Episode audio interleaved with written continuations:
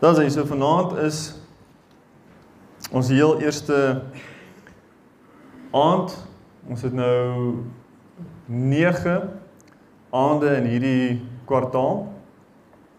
En my plan is as ons hierdie 9 aande vat, dan het ons 3 aande vir die boek van Joël, een aand per hoofstuk, twee aande vir Haggai en vier aande vir Maleagi. Dan ons een aand kan toewy aan een hoofstuk en dan die hoofstukke so deur kan werk en kan sien wat is daar gesê deur die gees van die Here vir Israel wat die mense van God is in die Ou Testament en wat is die relevantie vir ons? Jy moet sit, né? Nee? So Toe ek en pastoor Louis gesels het laas jaar Dis waar baie van hierdie ontstaan het in 'n uh, gesprek en in 'n begeerte. Haggai 2 vers 9 is die woord vir ons die groter heerlikheid wat kom. Maar hierdie groter heerlikheid kom nie in 'n vakuum nie. Dit kom nie net in in maanskyn en rose omstandighede nie. Die heerlikheid van die Here word uitgestort en dan het ons 'n patroon soos in Handelinge. Dit word uitgestort te midde van vervolging, te midde van verdrukking, te midde van mense onder jou eie volk wat nie verstaan nie en jy het Israel wat in 'n in twee geskeur was deur die godsdienstiges wat die disippels vervolg het. So as as dit is wat daai tyd gebeur het in Handelinge en die apostel Petrus kom en hy sê Hierdie Handelinge 2 is eintlik die vervulling van Joël 2. Ewe skielik verwys dit ons terug na hierdie profeet Joël. En ons moet verstaan wat daar gebeur het. Want dis nie net ek het baie keer dit so gelees dat en so gedink is op die hitte van die oomblik toe hulle almal in tale bid en al die dinge gebeur en daar's hierdie verwarring dat Petrus opgespring het en toe net begin brrrr praat het en En later het gedink dit is maar, wat het hierdie heel twee dinge te doen met vandag? Ek dink nie daai is die regte konteks nie. Ek dink Petrus en die disippels het geweet van Joël en die profesie. Deur Jesus se bediening het hulle begin sien hier is iets aan die gang en toe Jesus opgevaar het en hy gee hulle die opdrag, toe het hulle begin die woord studeer in hulle tyd van gebed en hulle tyd van wag op die Here. En daar het insig gekom. Ons sê ons het Lukas 24 die Emmaus gangers en ek vermoed een van die Emmaus gangers was Petrus. En dit sê Jesus het hulle verstand geopen soos wat hy deur die hele Ou Testament vir hulle verduidelik het die profesie aangaande hom. En deel van daai profesie is Joël. Die heerlikheid maar ook die moeilikheid. So op die notas heel bo Hoekom die boodskap van die profeet Joël relevant is vir ons vandag? Want ek kan nou net indink iemand wat nou nie Joël mooi verstaan nie, sal sê, "Oei, jette, hier gaan ons nou en ons gaan nou die Ou Testament sit en ons gaan nou hierdie ouens van al ver agter in 'n ander land, 'n ander tyd gaan ons nou lees. Wat se wat se relevantie kan dit vir ons hê?" Kan sommer net dink daai gedagte van o, Jesus, hierdie is boring. Ek het nou al daai goed gelees en kon nie en klou verstaan wat hierdie ouens sê nie. Dit is net peste en pla en swaar en hongersnood en dood en goed en elke gee my nie ander lekker goeters. Ek weet nie wie van julle was al daar gewees nie, maar dis is Okay, 1A. Hoekom moet ons die boek van die profeet Joël lees? Ons moet die boek van die profeet Joël bestudeer om die eindtyd kerk voor te berei vir die klimaks van die goeie en die slegte in die generasie van die van die Here se wederkoms. So, ek wil hê ons moet hierdie term mooi verstaan. Die generasie van die wederkoms van Jesus Christus. Wat beteken dit? Dis die tydperk wat oploop na Jesus se wederkoms toe. En daai tydperk volgens Matteus 24 word genoem die generasie waarin Jesus terugkom. Jesus sê leer die gelykenis van die vyeboom. Wanneer hy begin bot, wanneer die blare begin uitkom, dan weet jy die somer is by die hand. Dan sê Jesus die volgende: So weet verseker wanneer julle al hierdie tekens sien dat my koms naby is in daardie geslag, in daardie generasie wat hierdie tekens sien, sal ek verseker kom. Nou is die vraag hoekom verdraai ons die woorde van Jesus? 2-3 verse verder sê hy die dag en die uur ken niemand nie. 2-3 verse vroeër sê hy as jy hierdie dinge sien, al hierdie dinge weet verseker in hierdie generasie sal kom. So aan een kant gee hy vir ons absolute sekerheid, aan die ander kant sê hy die dag en die uur gaan 'n verrassing wees. Dan verdraai ons daai konsepte en ons sê nee, niemand weet wanneer ooit nie, ons gaan maar net aan ons cruise net. Ons is uh, mense in die donkerte, ons tas rond, ons weet nie wat aangaan nie. En dan kry ons al hierdie mense wat radikaal is, wat so versekerd is hy moet kom in 1844 en dan kom hy nie. Nou nee, hy moet kom in 19 soveel, dan kom hy nie en dan Daar's al hierdie valse profete wat die kerk begin lou maak. Want daar's hierdie teleurstelling op 'n teleurstelling op 'n teleurstelling en dan veroorsaak dit niemand weet wat gaan aangaan nie. Nee, ek sê vir julle dat die Bybel in in die Here en hierdie profete sê vir ons baie duidelik wat aangaan. En die boek van Joël is is 'n handleiding, dis punt B. Dis 'n handleiding om ons gereed te maak as die bruid van Christus. Nou laasweek toe ek nou lekker lank gras sny, toe luister ek oom Leonard Revenue en uh kan lekker vurig gras sny as jy luister na hom. en hy sê een ding, hy sê I am convinced that the bride of Christ will only consist of those that overcome. So jy moet gereed wees bietjie oefening kry sodat wanneer die moeilikheid kom saam met die heerlikheid jy sal oorwin. En wanneer ons die boek van Joël studeer, dan sien ons die Here gee vir ons 'n blou druk van moeilikheid wat ons moet oorwin en die beloning van die oorwinning. OK, punt nommer 2. Kom ons kyk na die oorsig van die profeet Joël. Wie weet wanneer Joël geskryf was? So daai is 'n vraag en 'n stelling, wie weet? Wie weet nie. Sê weer? Okay, definitief, daar's hy. Ons onderwyseres Juffrou Joubert sê het hom voor Jesus gebore was, was die profeet Joël geskryf 10 uit 10. Okay, so daar's baie baie bespiegelinge omdat as jy die klein boekie van die profeet Joël lees, nêrens word 'n koning se naam genoem nie. Nêrens word daar verwys na 'n spesifieke tydperk nie. Ons weet een ding verseker, buite hy's voor Jesus se geboorte geskryf, dat voor die Babiloniese ballingskap moes die profeet Joël geskryf geword het. Want dit is baie duidelik dat hy verwys na 'n groot verwoesting wat kom en hy verwys na die priesters wat moet rou en ween en intree voor daai verwoesting So dis duidelik voor 586 voor Christus. Daai is 'n belangrike datum om te neer te skryf 586 voor Christus. 586 voor Christus was die jaar waarin koning Nebukadneser die eerste tempel, die tempel van Salomo verwoes het. So dis baie belangrik dat ons dit in ons gedagtes het. Ek het so klein twee sinnetjies daar geskryf as 'n paragraafie is is 'n inleiding vir punt 2. Baie welkom.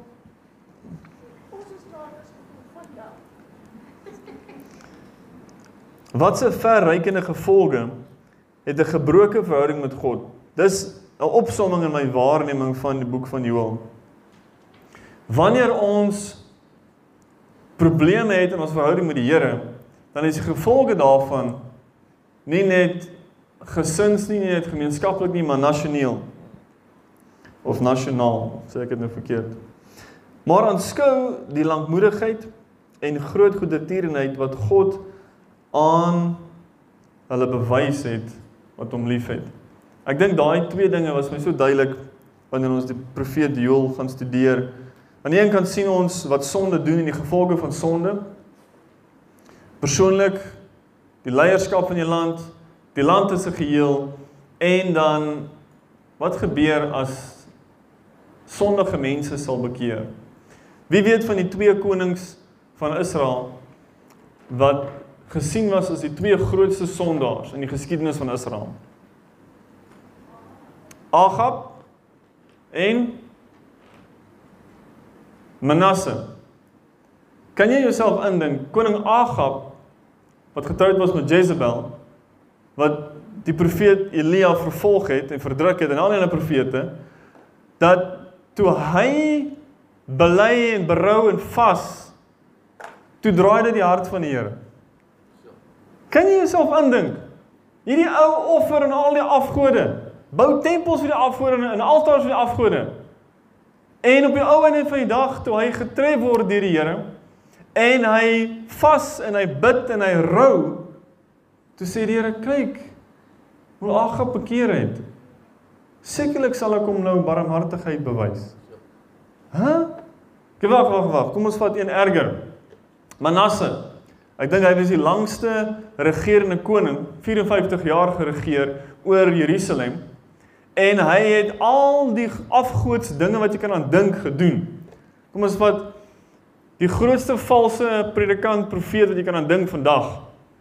Wat allerlei gemors in sy kerk leer en die mense laat hoereer en allerlei goeters doen.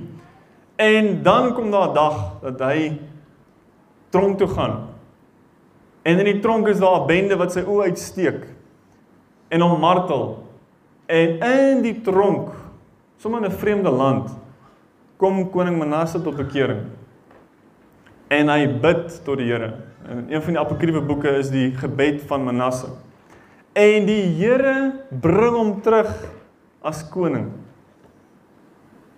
Kan jy jouself indink? Dis die lankmoedigheid en die goedertierenheid van die Here oor hulle wat berou en bekeer.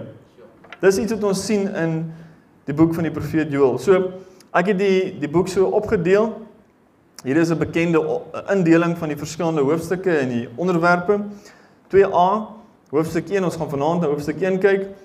Die groot natuurlike ramp. Daar's 20 verse in hoofstuk 1 en is landbou en ekonomiese krisis wat die profeet Joël deur die woord van die Here sê gaan kom. B vers 1 tot vers 11 van hoofstuk 2 praat hy oor die oorlog. Hy praat van hierdie groot verskriklike weermag wat kom en alles verwoes en dis 'n 'n tipe van die anti-kris. Die in die Bybel het ek nou al gesien profesie is baie meer 'n patroon wat herhaal as 'n voorspelling sekere kondisies het sekere vervulling daar's 'n sekere siklus wat baie duidelik is. Punt C hoofstuk 2 vers 12 tot 17 hierdie vir my is die is die hart van Joël die hele boek van Joël hierdie is die reaksie wat God verwag van sy volk om sy beskerming en sy seëninge uit te stort oor hulle hierdie is die antwoord wat ons moet gee en moet leef wanneer die chaos losbreek. Dis altyd dieselfde antwoord. Daar's nooit 'n ander antwoord nie. Die omstandighede kan verskil, maar die antwoord is dieselfde. Punt D hoofstuk 2 vers 18 tot 31 en uit hierdie stukkie uit ken ons al vers 18 nou nog baie goed. Die uitstorting van God se seënings is in die landbou, dis in polities en is geestelik. Landbou ons sien die herstel van die land polities daar is goddelike leiers wat hy aanstel en dan geestelik die Here stort sy gees uit en dan punt E einde van Joël God straf sy vyande. So daai is die oorsig oor die boek van Joël en dit is 'n 'n verrykende boek met soveel waarhede en laagies. So as jy jouself kan indink as daar sewe lae van openbaring is en wysheid is in die boek van Joël, ons gaan vandaan dalk net die eerste laagie dalk net aanraak. So moenie dink dit wat ek vir julle gee is alomvattend en alles wat in Joël is nie. Punt 3. Die beginsel van herlewing in die boodskap van die profeet Joël. Wat is hierdie beginsel van herlewing? Wel ons sien in Handelinge 2 toe die Gees uitgestort is, het die apostel Petrus opgestaan en gesê: "Dit wat julle vandag sien is wat geprofeteer is deur Joël." Wel, dit wat hulle daar vandag beleef het aan daai dag was herlewing. Dis die uitstorting van God se Gees oor sy mense om hierdie dooie bene lewendig te maak. En om hulle sy getuies te maak, om hulle met krag te vul, om hulle die lewende tempel te maak. En nou kom Petrus en hy sê nee, hierdie is eintlik wat geprofeteer is daar deur Joël 600 700 jaar gelede. En wat het Joël gesê? Wel ek glo Joël het sy woorde gekry van wat die Here gesê het vir koning Salomo toe koning Salomo die tempel ingewy het. 2 Kronieke 7 vers 13 tot 14, 13 tot 15, ons ken hierdie dit ons al baie baie gehoor in Suid-Afrika. Die Here sê vir koning Salomo: As ek die hemel toesluit, as die Here die hemel toesluit, dat daar geen reën is nie, of as ek die sprinkaan beveel om die land af te eet, of as ek pes onder my volk stuur en my volk oor wie my naam uitgeroep is. So gewoonlik ken ons vers 14 baie, maar vers 13 gee vir ons die kondisie. Dit gee vir ons hierdie toestand van pes, hongersnood, probleme, uitdagings. En dit sê vir ons van waar kom dit? Dit kom nie van die Illuminati af nie. Hulle is dalk die instrument, maar hulle is nie die oorsprong nie. Die oorsprong is 'n gebrekkige verhouding met die Here. En nou gee die Here se mense oor aan hulle vyande. Hy gee hulle oor aan hongersnood. Maar dan sê hy en my volk oor wie my naam uitgeroep is, hulle verootmoedig en bid en my aangesig soek en hulle bekeer van hulle verkeerde weë, dan sal ek uit die hemel hoor en hulle sondes vergewe en hulle land genees. Nou sal my oë oop wees en my ore luister na die gebed van hierdie plek. Daai kry ons net so in Joel. Daai selfde stappe. Joel gee dieselfde goed. Hy sê van wie af kom dit? Hy sê hoekom hierdie goed kom en hy sê wat wil die Here hê? In Handelinge 2 vers 16 tot 21 sê Petrus maar dit is wat deur die profeet Joel gespreek is. En in die laaste dae spreek God sal ek van my gees uitstort op alle vlees en julle seuns en julle dogters sal profeteer. Jy weet om te profeteer is nie net om die verborgene van 'n hart te openbaar nie, dis ook om te bemoedig. Dis ook om te vermaan. Dis ook om te berisp. Dis ook om te proklameer die beloftes van die Here. Daar is alles verskillende aspekte van profesie. En julle jongelinge sal gesigte sien en julle ou mense sal drome droom. En ook op my diensknegte en diensmaagde sal ek in die dae van my gees uitstort en hulle sal profeteer. En elkeen wat die naam van die Here aanroep, sal gered word. Daar's Joel 2 vers 12, maar selfs nou nog spreek die Here.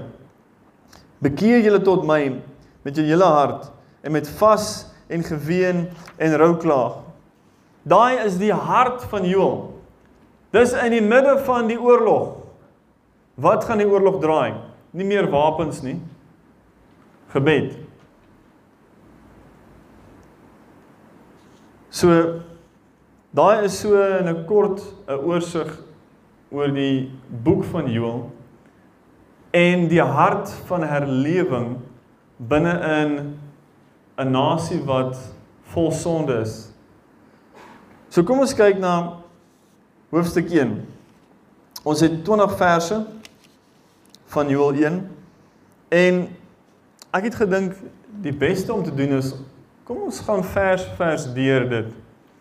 En soos ons deur dit gaan, gaan ek sekere aspekte vir julle uitlig en sekere koneksies maak. Hoofstuk 1. Die groot natuurlike ramp. Dis die die waarneming en die opsomming van hierdie hoofstuk. Die woord van die Here wat tot Joël, die seun van Petuel gekom het. Hoor dit, o oudstes, en luister, alle inwoners van die land. Het so iets ooit in julle dae of in die dae van julle vaders plaasgevind? Vertel daarvan aan julle kinders en julle kinders aan hulle kinders en hulle kinders aan die volgende geslag. Stop net daar. Wat op aarde moet gebeur of gaan gebeur dat die Here vir die profeet sê so iets wat gaan gebeur het nog nooit gebeur nie. Kom ons gaan net terug in die Bybel. Daar was 'n man met die naam van Noag. En Here sê vir hom: "Kyk, in jou dae Noag, gaan iets gebeur wat nog nooit gebeur het nie. En jy gaan dit vir jou kinders vertel, en hulle kinders vir hulle kinders, en hulle kinders vir hulle kinders se kinders dat wat nou gaan gebeur het, het nooit voorheen gebeur nie. Dit gaan reën." Sê die mense: "Noag, wat is dit?" Nee, die water gaan van bo kom in plaas van van onder af. Nee, Noag, dit werk nie so nie. Vir 1600 jaar van die aardse geskiedenis tot op Noag se tyd het dit nooit gereën nie. Die Here sê vir die profeet Joël, daar gaan iets kom wat nog nooit voorheen gekom het nie. Nou hoe het jy 'n raamwerk vir dit? Tensy die gees van die Here nie jou oë oopmaak nie, het jy nie 'n raamwerk om te verstaan waarvan die profeet praat nie. So die mense in Noag se tyd het hom uitgelag. Hier bou hy vir 100 jaar lank 'n groot skip. En hy sit al die diere daarin en die mense lag vir hom. Kan jy dink sy skoonfamilie, hy het skoonfamilie gehad. Sy nee, daai ou is definitief nie lekker nie. Hy praat van goeters wat nog nooit bestaan het nie. Hy weet nie, hy in die dag toe dit begin reën het, toe dink hulle, "Jesus, dit hy. Nou is dit bietjie te laat. Waar is daai daai swaartjie van ons? Waar is daai skoonfamilie?" Jy sien, toe COVID gekom het, het ons in 2020 nog nooit gesien hoe die wêreld in lockdown kan gaan. Nog nooit. En toe ons dit die eerste keer hoor, by my swaar, toe lag ons sê van nee, dit het net gebeur in movies, dit gebeur nie in Suid-Afrika nie. Dankie aan Amerika, maar nie hierso nie. En toe kom meneer Ramaphosa op die televisie en hy sê julle het 4 dae, dan sluit ons die grense. Toe sê ons, "Wat? Dis nie moontlik nie." In Joel se dag Hierdie ding waarvan hy praat wat nooit gebeur het nie, is die verwoesting van die volk. Die volgende vers sê vir ons, vers 4, wat die afknyper laat oorbly het, het die trekspring springkaan verslind. En wat die trekspringkaan laat oorbly het, het die voetganger verslind. En wat die voetganger laat oorbly het, het die kaalvreter verslind. Die heel eerste ding wat ek wil hê julle moet opmerk is Eksodus 10 vers 6 is die eerste verwysing in die Bybel van 'n plaag van sprinkane is God wat Egipte oordeel. Die eerste oordeel van sprinkane was God op 'n heidense nasie, nie God op sy mense nie. So die mense van God het nie 'n raamwerk gehad van God wat hulle gaan oordeel met die oordeel wat hy op die nasies gesit het nie, op Egipte gesit het nie. En tweedens Levitikus 26 vers 18, vers 21, vers 23 en vers 27 en 28 sê vir ons duidelik dat God oordeel, dan gee hy kans, hy kyk, gaan jy bekeer? As daar nie bekering is nie, dan bring hy 'n erger oordeel. Dit's in fases, as ek dit sou kan sê, in golwe. Ons het daai golwe ding nou baie goed gehoor met COVID. Daar is golf alfa en toe golf beta en toe golf delta en toe dis net nog 'n golf en nog 'n golf en nog 'n golf en nog 'n golf. Die punt hier is God stuur die eerste keer 'n waarskuwing, 'n oordeel, 'n skudding, 'n ramp en hy kyk kry die mense se aandag. En hy kry nie die mense se aandag nie. Dan stuur hy die volgende een. Dan kyk hy, kry die mense se aandag. En elke een wat volg, elke opvolgende straf is erger as die vorige een totdat die mense of uitgewis is of bekeer. Dis die twee opsies, daar's nie ander opsies nie. Haggai 1 vers 5 tot 7 en vers 9 tot 11 gee vir ons 'n parallel. Baie baie duidelik. Dit sê daarso: "Julle het gesaai en min ingebring. Julle het geëet, maar nie versadig geword nie. Julle het gedrink, maar nie julle dors geles nie. Julle het julleself uitverhuur vir arbeid en toe julle geld in 'n sak gesteek wat stikkend was. En dan sê die Here, ek het dit gedoen. Dan moet jy weet hoe moet die kerk voel as die Here dit vir die kerk sê. Dis maklik vir ons, sê ja nee, daai Jode, daai ons nie hulle, okay, hulle is daar kop op. Kyk, 40 jaar in die woestyn met die Here hulle wil terug gaan Israel, Egipte toe. Hoe hoe werk dit? En dan sit ons in 'n beter verbond as hulle met die Heilige Gees en dan dink ons dit gaan anders te wees. Inteendeel, die hartseer ding is ons sal 'n groter oordeel ondergaan as hulle. Dit is die gevaar. Want Paulus sê vir ons in 2 Korintiërs 3, daar's 'n groter heerlikheid in die nuwe verbond as die ou verbond. As jy 'n groter heerlikheid het, het jy 'n groter verantwoordelikheid. Jy het geen verskoning. As jy geen verskoning het nie, dan gaan jy 'n behoorlike pak slaag kry. As jy verskoning gehad het, die Here sê dit van Sodom en Gomora. Lees Matteus 11.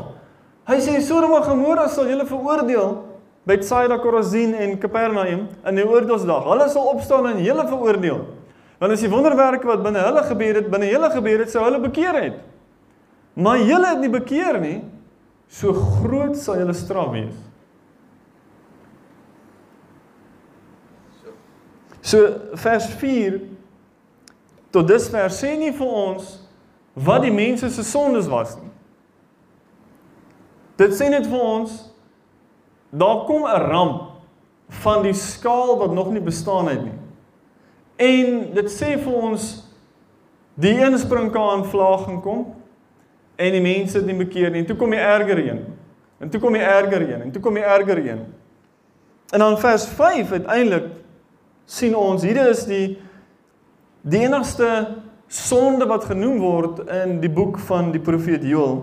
Dit sê word wakker julle dronkaards en ween en huil al julle wyndrinkers oor die mos omdat dit van julle mond weggeruk is.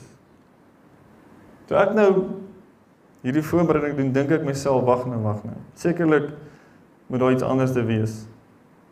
Want Jesaja maak 'n baie lang lys. En Jeremia gee 'n baie lang lys. En Jesegiel gee 'n lang lys. En die ander profete gee 'n lang lyste en verduidelik in diepte mooi punt vir punt. En hier kom Joël en hy maak 'n opsomming. Dis my waarneming. As Jeremia so duidelik geprofeteer het en duidelik gesê het die sondes van die volk, die afgoderry en hierdie en die losbandigheid en die hoereerdery en die die bloeddorstigheid en die moord en die hy het baie duidelik gesê wat die volk verkeerd gedoen het, maar hier kom Joel en hy dis amper asof hy die hele volk sien en al hulle sondes en hy maak 'n waarneming, 'n opsomming en hy sê julle is aan die slaap en julle is dronk.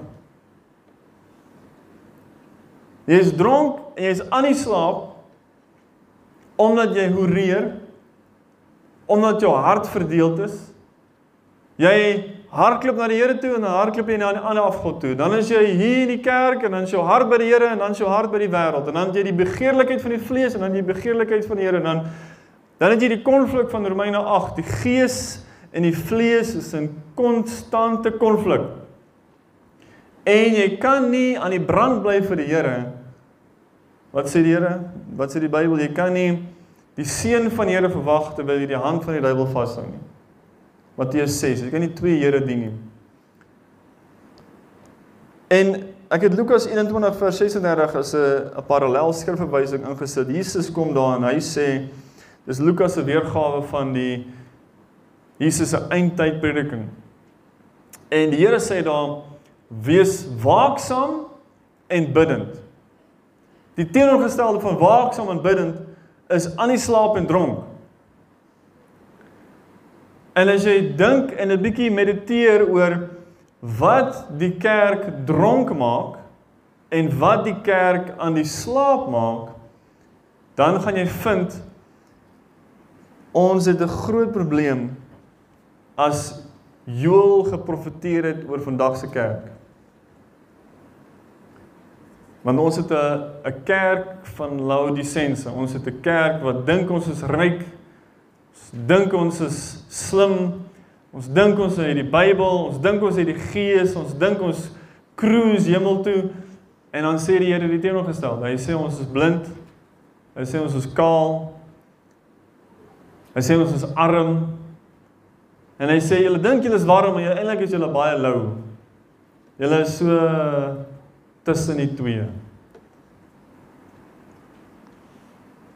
En dan kom hy in vers 6 en hy sê want 'n sterk en ontelbare nasie het opgetrek oor my land. Sy tande is leeutande nou.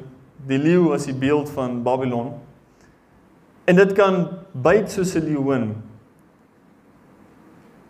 Nou hier is hy besig om te sê dis die moeilikheid wat aan die kom is.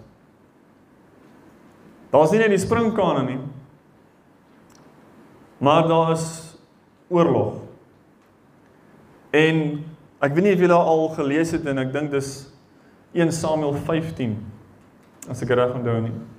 Maar daar was 'n geval gewees waar Israel en die Filistyne in oorlog was. En die Filistyne was besig om te wen in hierdie oorlog. En die Israeliete vir 'n oomblik dink, nee wag, ons moet plan B. Hardloop, gaan daar na Silo toe en gaan kry vir ons die ark van die verbond met die priesters met die trompette. En kom laat hulle kom laat hulle kom. Want as hulle voor ons is en hulle blaas die trompet hulle dra die ark dan kan niemand teen ons wen nie. Het julle daai al gelees? En wat gebeur? Toe die ark van die verbond gaan haal was toe is daar hierdie krygsgeskreeu. Jy weet dis mos nou soos Jerigo die Here is met ons nou gaan ons wen. O boetie kyk daai sien ek as weet, assumption. Moenie aanneem die Here is in jou midde nie. En hulle gaan in die geveg in in die oorlog en hulle verloor. En die ark word gesteel. Kan jy jouself indink?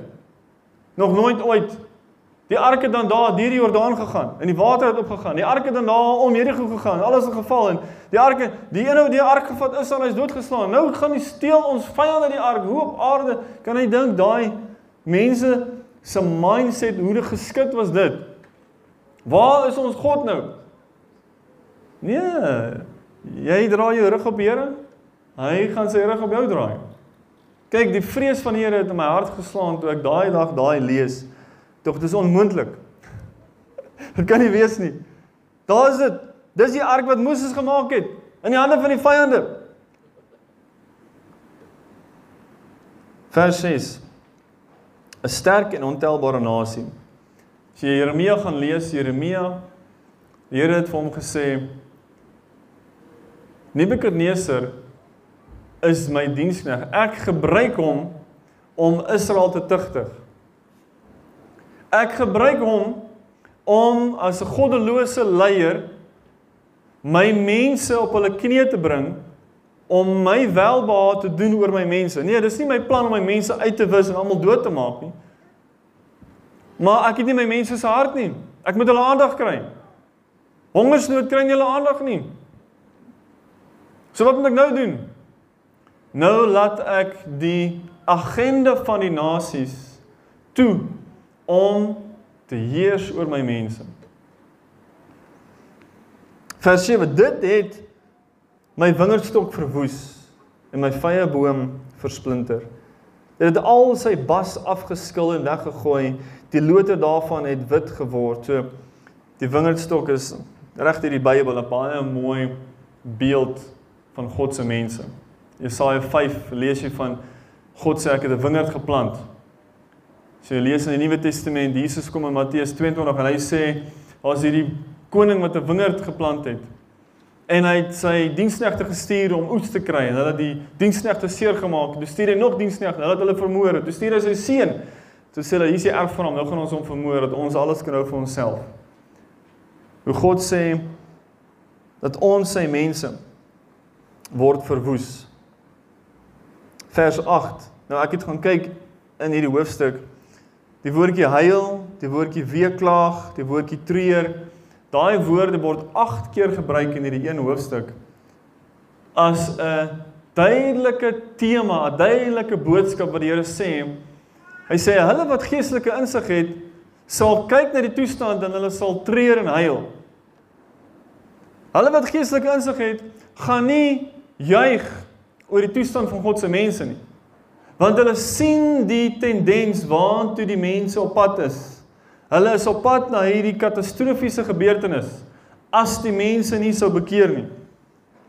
Weeklaag soos 'n jonk vrou wat oor die bruidegom van haar jeug met 'n rou kleed omgord is. Nou toe ek hierdie lees, dink ek hoekom sou die Here vir die profeet Joël hierdie hierdie bewoording gebruik, hierdie hierdie beeld gee van 'n 'n bruid wat rou oor haar bruidegom. Hy wel, dit is baie duidelik. Die God van die Ou Testament het 'n verbond gemaak met Israel by Berg Sinai. 'n Bruidegomsverbond, 'n huwelik verbond. Hy kom en hy sê in Jeremia 2 vers 13: Ek het hierdie ding teen jou, Israel. Julle het die fontein van lewende water weggedraai van en julle het julle vir julleself uitgekapte bakke gekap wat nie water kan hou nie. In Jeremia 2 gaan alles oor God wat sê ek is 'n bruidegom en julle is my bruid en julle het weggedraai van my af. En dan kom hy en hy sê dieselfde ding in Hosea. En vermoedelik was Hosea die eerste profeet aan Israel in die noorde. En Hosea kom en hy sê die heeltyd Ek meen, julle ken die storie van Hosea, hoe hy gesê was deur die Here om vir hom 'n vrou te vat wat 'n prostituut is om wat te doen. Hy is heilige profeet, hy hoor die Here, hy sien die Here, hy praat met die Here en die Here sê ek wil hê jy moet 'n beeld wees vir hulle. Dat soos hulle hoereer, so jou vrou hoereer met my. Jou vrou hoereer weg van jou, wees sal teruggaan en haar weer gaan haal, want so kom ek agter Israel aan. Hulle is my vrou. En hier kom die Here en hy sê vir Joël As jy hierdie ding verstaan, Joël, dan gaan jy huil soos 'n vrou, soos 'n bruid wat huil oor haar bruidegom. Want julle is besig om weg te draai van my af. Dis die jaloesie wat God vir ons het. Hy's jaloers soos 'n man jaloers is oor sy vrou. Nou moet jy weet, as jy met my vrou gaan lol, gaan ek getoets word om nie jou tande uit te lol nie. Nee, dis soos jaloesie, dis my my vrou. Nou moet jy weet hoe voel die Here oor ons. Dat is hier kom Paulus en hy sê in Efesiërs 5 dat die Here het homself oorgegee vir ons. Hm? Jesaja 63 sê hy kom terug as 'n bruidegom met 'n rooi kleed. Hy het die bloed van die vyande alleen getrap. Vers 9: Spysoffer en drankoffer is ontruk aan die huis van die Here. Die priesters, die dienaars van die Here treur. Nou hierdie was my so 'n skok toe ek hierdie lees. Want julle verstaan, God het aan Moses in Eksodus 25 die patroon gegee van die tabernakel. Hy sê hier is 'n hemelse patroon. Ek wys jou iets in die hemel hier wat jy gaan bou op aarde om Israel voor te berei om te verstaan hoe werk my koninkryk? Hoe werk saligheid? Hoe werk verhouding met my? Hoe werk die dieptes van my? En hier kom die Here, hy sê vir Salomo, Salomo, jy gaan die tempel bou. Hy het hom befonds deur koning Dawid en die Here kom af in heerlikheid en hy vul 'n fisiese gebou op aarde. En die Here het die hele offerstelsel gegee om die volk te leer en met wie hy dan gemeenskap kan hê. En hier kom die Here en hy sê in vers 9 spysoffer en drankoffer is ontruk aan die huis van Here. Dis weggevat. Die Here is die een wat dit laat wegvat het. Ja, so toe COVID gekom het en die kerke is die regering toegemaak. Toe het baie kerke teen die regering opgestaan en gedink die regering is nou jy weet diktatorskap. En ons as die kerk het nie besef dis die Here wat toelaat dat die deure toegemaak word nie. As jy Maleagi hoofstuk 1 vers 10 lees, ek het daai verwysing daar gesit. Ons gaan dit later na kyk. Kom die Here en hy sê, ek het iemand gesoek om net asseblief die deure toe te maak van die tempel. Want ek is moeg vir julle offers. Wo wo wo wag wag wag. Dis die God van die Ou Testament wat met die mense van die Ou Testament praat. Die Die Israel wat hy gevat het uit Egipte uit. En vir wie hy die land gegee het. Vir wie hy Jerusalem gegee het. vir wie hy die tempel gegee het, wat hy toe gevul het. Dieselfde God kom en sê maak die tempel toe. O, oh, jette dan as ek net aan daai logika dink, dink ek maar dieselfde Here wat gesterf het vir ons wat ons sy gees gegee het is dieselfde Here wat sê as jy my onwaardig aanbid dan gaan ek daai deure toemaak. Daai julle is dis swaar om daaraan te dink om om daai parallel te maak en die werklikheid te besef. Jesaja 1 vers 10 tot 15 kan julle gaan lees, dis waar die Here vir Jesaja sê ek is moeg vir julle julle offers, julle feeste, julle nuwe maan, ek is moeg want julle is godsdienstig, maar julle dien my met julle lippe en nie met julle hart nie. Hy sê kom bekeer. 1 Samuel 3 vers 1 Samuel is 'n jong seentjie. En dit sê in die Bybel dat in die dae van Eli wat die hoofpriester was, was die woord van die Here skaars. En die konteks, okay, hulle die hulle die boekrol gehad, dit was nie skaars om nou te gaan oplees nie. Maar die Here wat met mense praat en vir hulle woord gee, was skaars. Dit sê daar visioene was skaars. Die Here wat vir jou sê wat aangaan, die Here wat leiding gee, die Here wat kommunikeer sy hart, was skaars. Hoekom? Weens die hardheid van mense se harte. Weens die godsdienstigheid. Weens die louheid, weens die wêreldsheid. Dis hierdie spysoffer en drankoffer as ek dit nou simbolies maak. Amos 8 vers 11 kom die Here en hy sê daar sal 'n honger te kom. Van wat? Nie van water en nie van brood nie, maar van die hoor van die woorde van die Here. Dit is Matteus 13. Jesus kom en hy sê praat hy in gelykenisse met die massas en die disippels sê, "O, Here, wat nou? Hoekom praat jy nou in gelykenisse?" En Jesus sê want vir hulle is dit gegee om nie te verstaan nie. Jy het ooit gewonder hoekom het Jesus in gelykenisse gepraat? Ek het altyd gedog toe ek in die kerk was, so klein seentjie, dis omdat hy moet so mooi verduidelik vir hulle in stories. Maar Matteus 13 sê hy nee, dis om die verborgenhede van die koninkryk weg te steek. In vers 10, 11 en 12 praat van die land wat verwoes is, die akkerland treur, want die koring is verwoes, die mos het weggedroog, die olie het verdwyn, al hierdie dinge. Kos, die landbouers staan beskaam, die wynboere weeklag, kyk, dis nou my land, dis nou my my veld hierdie, al die boere. En jy kan so goed as wat jy kan herlewingslandboustelsel inwerk en die grond gesond kry en jou besproeiing gesond kry, maar ek sê vir jou, boetie, leef in sonde en jou land gaan niks opbring nie. Ja, ek het dit al gesien. En dan as jy in geloof leef by die Here en jy plant aartappels in sand en daar sê is reën nie, dan het jy 'n wonderlike oes. Ons het hom Angus as bewys daarvan.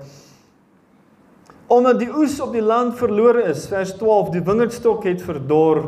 Dit klink soos Habakuk en die vyeboom het verwelk, die granaat, ook die palm en die appelboom, al die bome van die land het verdor, want beskaamd is die vreugde weg van die mensekinders. Op Romeine 8 vers 19 tot 22 sien jy Paulus kom en hy sê die skepping wag met reikhalsende verlange tot die openbaarmaking van die seuns van God.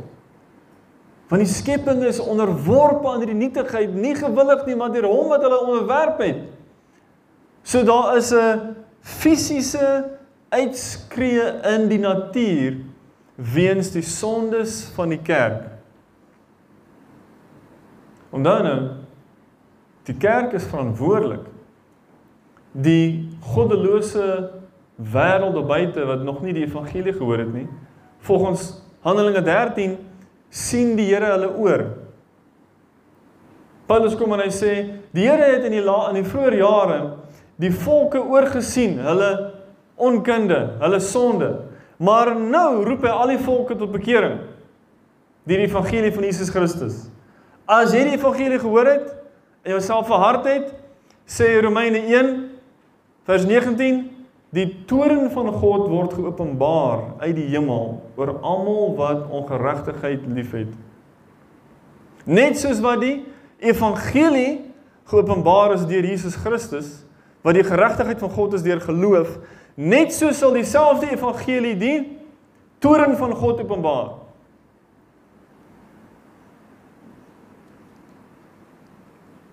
Gaan ons 'n uh, goue bene rek 5 minute hê of is julle nog reg? Is julle nog reg? Gaan ons aangaan?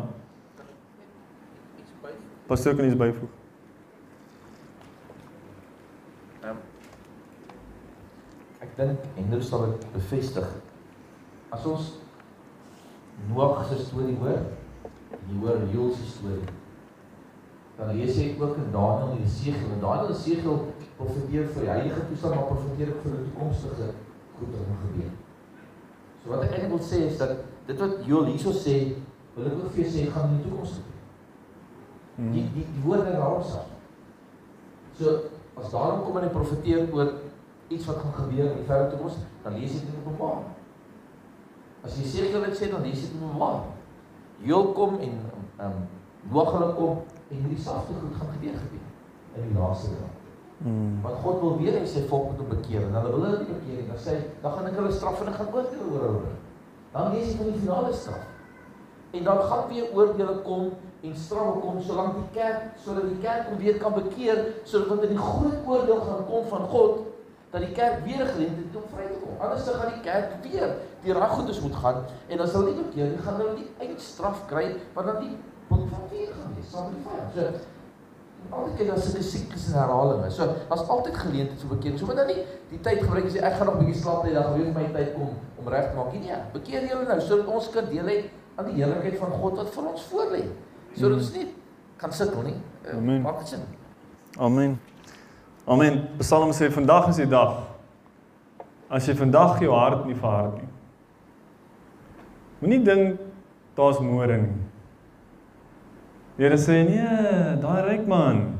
Jy het gedink jy het môre. Vanaand sal jou siel van jou vereis word. In hoofstuk 1 kom Joël en vanaf vanaf vers 13 begin hy vir die volk die antwoord gee, die oplossing gee. Hy het nou die probleem gestel. Hy het gesê van wie af kom die probleem? As gevolg van jou sondes gee die Here jou oor aan jou vyande. En nou sê hy, hier's die roepstem tot bekering. Jy sien, julle bekering gaan nooit vir ons dringend wees as ons nie besef ons is onder oordeel nie. So vat die lering van oordeel weg uit 'n verdraaide genade boodskap, dan sal geen dringendheid vir bekering nie. Regtig? So kom en sê nee, dit was nie die Here wat die Wes-Kaap getref het met droogte nie. Kom en sê dit was nie die Here wat toegelaat het dat al 140 000 hektaar in die Vrystaat afgebrand word nie. Nee, ons gaan net die EFF die skuld gee. Nee, dit werk nie so nie julle. Dit werk nie so nie. Nysna se brande. Wie gaan ons die skuld gee? Kyk as ons die Bybel vat en ons vat die Here as die hoogste gesag, dan sê die Here waar die brand begin en hy sê waar hy stop. Hoeveel getuienis het gekom van mense wat hulle huise oorgegee het aan die Here, hulle lewens oorgegee het aan die Here, gebid het en gesalf het en die brand het gekom en om die huis gegaan. So nou, wie het die brand dan gerig? Wie het die vlam beheer? Toe die onluste uitbreek 2021 en dis plundering in Johannesburg en Durban. Nee, jy sien, dis daai Zuma. Hy en sy verwante het nou hier. Nee, dis die Here wat ons land oorgee aan ons vyande. En dan sien ek hoeveel mense rondgaan op die internet en dan wys hulle, jy sien, jy sien, Nee, dis Ramaphosa en sy sy swaar Petrus Motsepe en hulle het hierdie agenda en hierdie agenda en hulle het nou sommer hierdie ouens gewerk en hulle al die konspirasies onder onder die son. Want dis hulle is die skuldiges, jy sien. Net in die kan ek sê die die aanwending, die die poging om onsself te verontskuldig. En dan kom die Here en hy sê nee, jy verstaan nie. Daai ouens is daar. Hulle maak planne en ek gee hulle oor in hulle hande.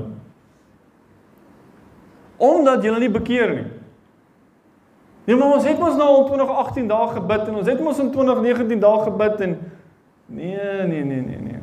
Ja, Joel sê hier in vers 13 om gord julle en klaag o priesters geestelike leiers van die kerk van die samelewing van die land. Julle is veronderstel om eers te huil oor die toestand. Julle is veronderstel om eers te sien die probleem. Huil dienaars van die altaar. Kom vernag in rou klere dienaars van my God. Hierdie is jy bid en jy voel wat die Here voel, jy sien wat die Here sien oor die toestand totdat daar 'n verandering kom.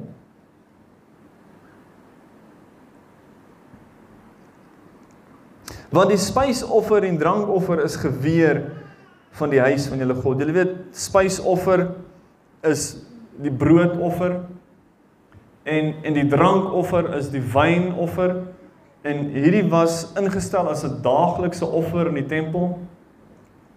Daagliks was daar wat brood en wyn. Brood en wyn.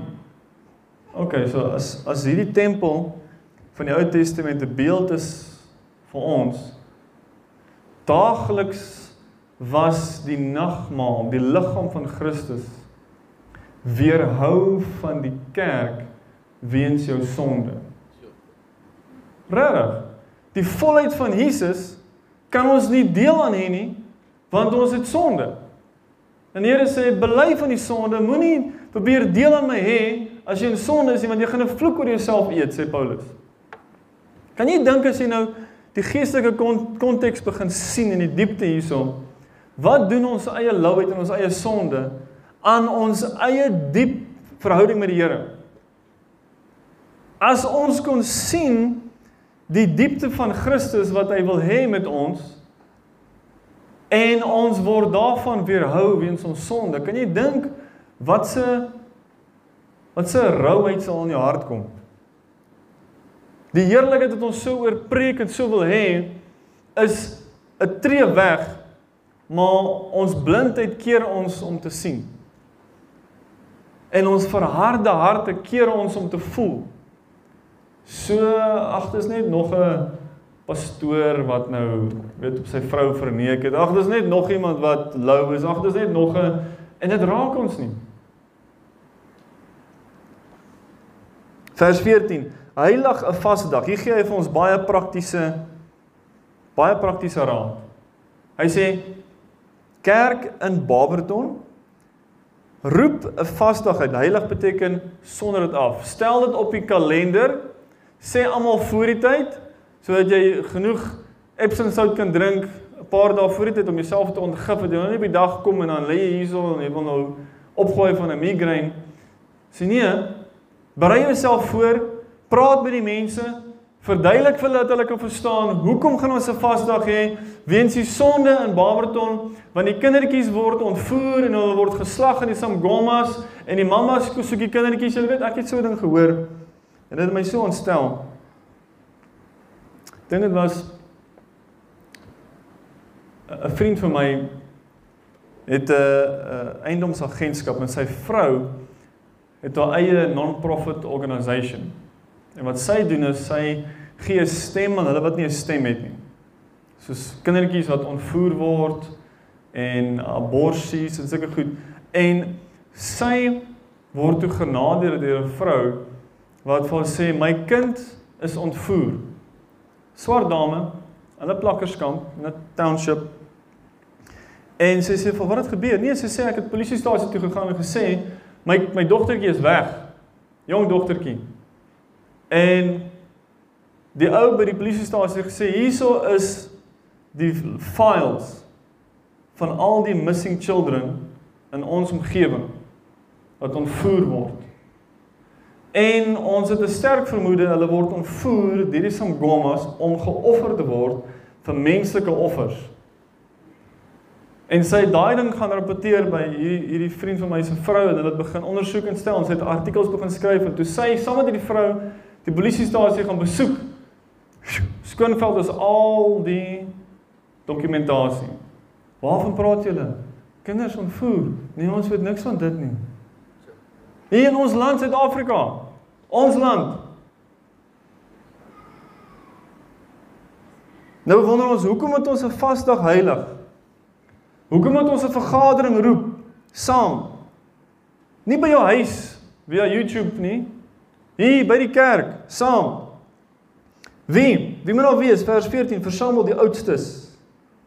Alle inwoners van Barberton in die huis van die Here julle God en roep tot die Here. Dat hy wat moet doen? Baie slegte mense moet vang. Nee, dat hy eers ons harte kan verander. Want hier binne ons, Dis toe ons hiertoe trek, toe sê die Here vir my, "Bou my huis." En die eerste ding wat ek vir Here vra is, "Here, maar hoe?" En die Here sê vir my, "Bid dat jy my hart kan kry vir die mense." Die mense is die tweede probleem. Die eerste probleem is jou hart. As jou hart uitgesorteer is, dan begin jy voel wat ek voel en sien wat ek sien en dan sal jy saam my gees kan beweeg en die mense kan raak. Tot dan werk jy aan jouself. Vers 15 Ag, die dag.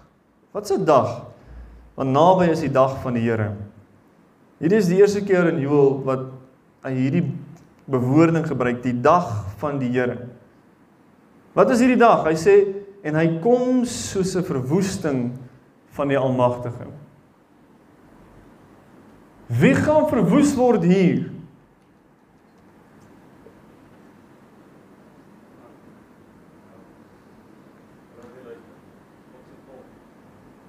Die mense wat hier gaan verwoes word deur die Here is sy eie ongehoorsame mense. Dis die konteks. As ek as ek besig om dit te breek, as ek die vloei vat van vers 1 af en ons gaan deur met wie praat Joël? Die volk. Hy sê julle is in sonde. Hy sê julle is dronken aan die slaap. Hy sê al hierdie goed het oor julle gekom oor julle sonde en dit kom van die Here af. Hy sê en hier is die antwoord. Kom terug na die Here toe. En hy sê vas en bid want daar is 'n dag wat kom. Nou hierdie was heel eersins nie die wederkoms van Christus aan die einde van die eeu nie. Hierdie was daar's 'n seisoen gegee vir julle om te bekeer. Dan as daai seisoen verbyslaan, is die deur van genade om te bekeer toegemaak. Dan kom die oorlog. Dan is dit bloed en dood en verwoesting totdat alles wat ongeregtig is uitgeroei word van die mense van God, sy volk. Dit het gebeur 586 voor Christus. Daar gaan Israel in ballingskap in. Dan dink jy dis onmoontlik. Dis wat die mense gedink het. Julle weet hoe dit gebeur het in 606 voor Christus toe kom Nebukadneser eerste. En hy vat sommige mense in ballingskap. Nou, hy het nie gesê hy die van julle wat wil gaan, gaan nie uitgekom met weermag. Hy het geslag, hy het vermoor en die wat oorgebly het, het hy gevange geneem as krygsgevangenes. En hulle teen hulle wil gevat 500 600 km Babelonie toe. Toe die mense wat oorgebly het gesê, "Sjoe, nee, Dit was net 2 jaar se COVID, ons het dit gemaak. 10 jaar later, 596 voor Christus toe kom hy weer. En hy het weer oorlog gemaak. Hy het weer mense doodgemaak. Hy het weer mense gevat as gevangenes. Toe sê die ander mense: Die tempel staan nog nie, jy weet. En Jeremia is daar in Jerusalem. Hy sien dit. Hy sê vir hulle wat die Here sê. Hulle weier om te hoor. Jy sien Jeremia, jy's verkeerd gewees. Jy sien Twee keer ons staan nog. Toe sê nou het julle kans gehad, nou is die kans verby. Jy weet in Jeremia, die boek van die profeet Jeremia, lees jy dat die Here sê vir Jeremia, hou op bid vir hierdie volk. Kom ons kom ons hoor net gou daai woorde vir 'n oomblik. Wat sou ons sê as Baberton as die Here kom en hy sê vir die intercessors nou het ek genoeg gehad van julle gebede. Julle sal nie weer bid vir die bekering en die verlossing van Barberton nie. Barberton is bestem om so Sodom en Gomorra te word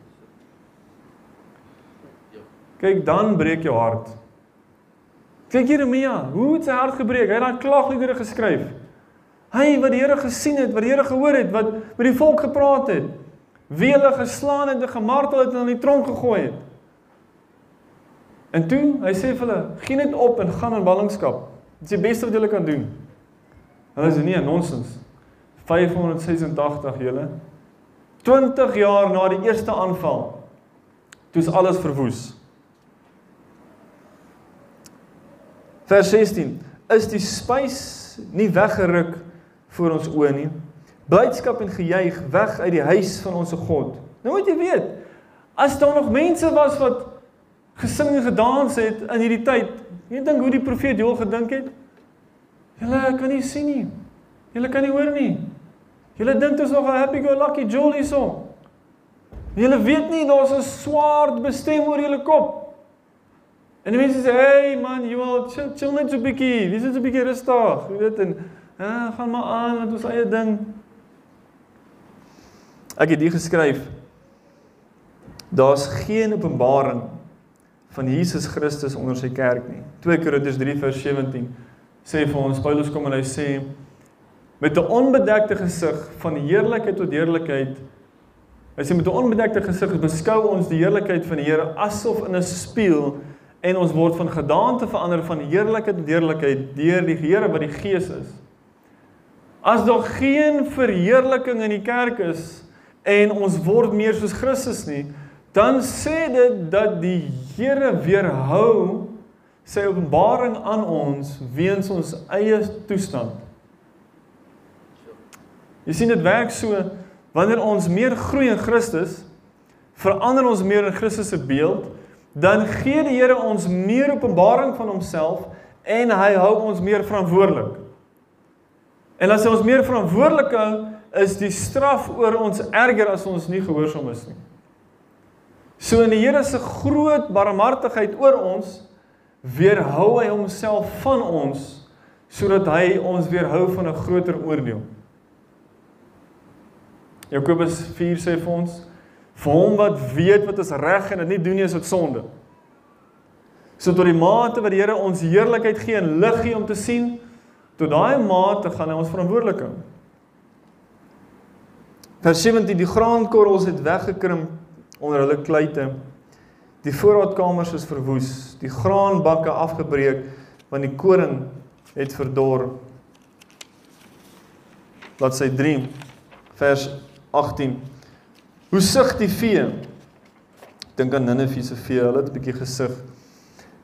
Die troppe beeste is onrustig want daar is geen weiveld vir hulle nie. Ook die troppe kleinvee moet boet. Tot U, vers 19, o Here, roep ek. Want 'n vuur het die weivelde van die woestyn verteer en 'n vlam het al die bome van die veld aan die brand gesteek. Selfs die diere van die veld smag na U. Want die waterstrome het opgedroog en 'n vuur het die weivelde van die woestyn verteer. So daar het ons hoofstuk 1 van die profeet Joël. Dis 'n swaar boodskap. Dis 'n 'n hartseer boodskap as jy dit vat in konteks van die kerk vandag. Het julle geweet dat volgens statistieke is 80% van Suid-Afrika Christene. So ons het 2 2 Timoteus 3 vers 5 Ons het 'n vorm van godsaligheid wat die krag daarvan verloon het. Ons het hulle wat met hulle monde bely, op 'n papier skryf ons is 'n Christen, maar so goddeloos soos 10. Ons het kerke in elke dorp, maar ons is geestelik onvolwasse. Ons het colleges, ons het radiostasies, ons het boeke, maar ons ken nie die Here nie.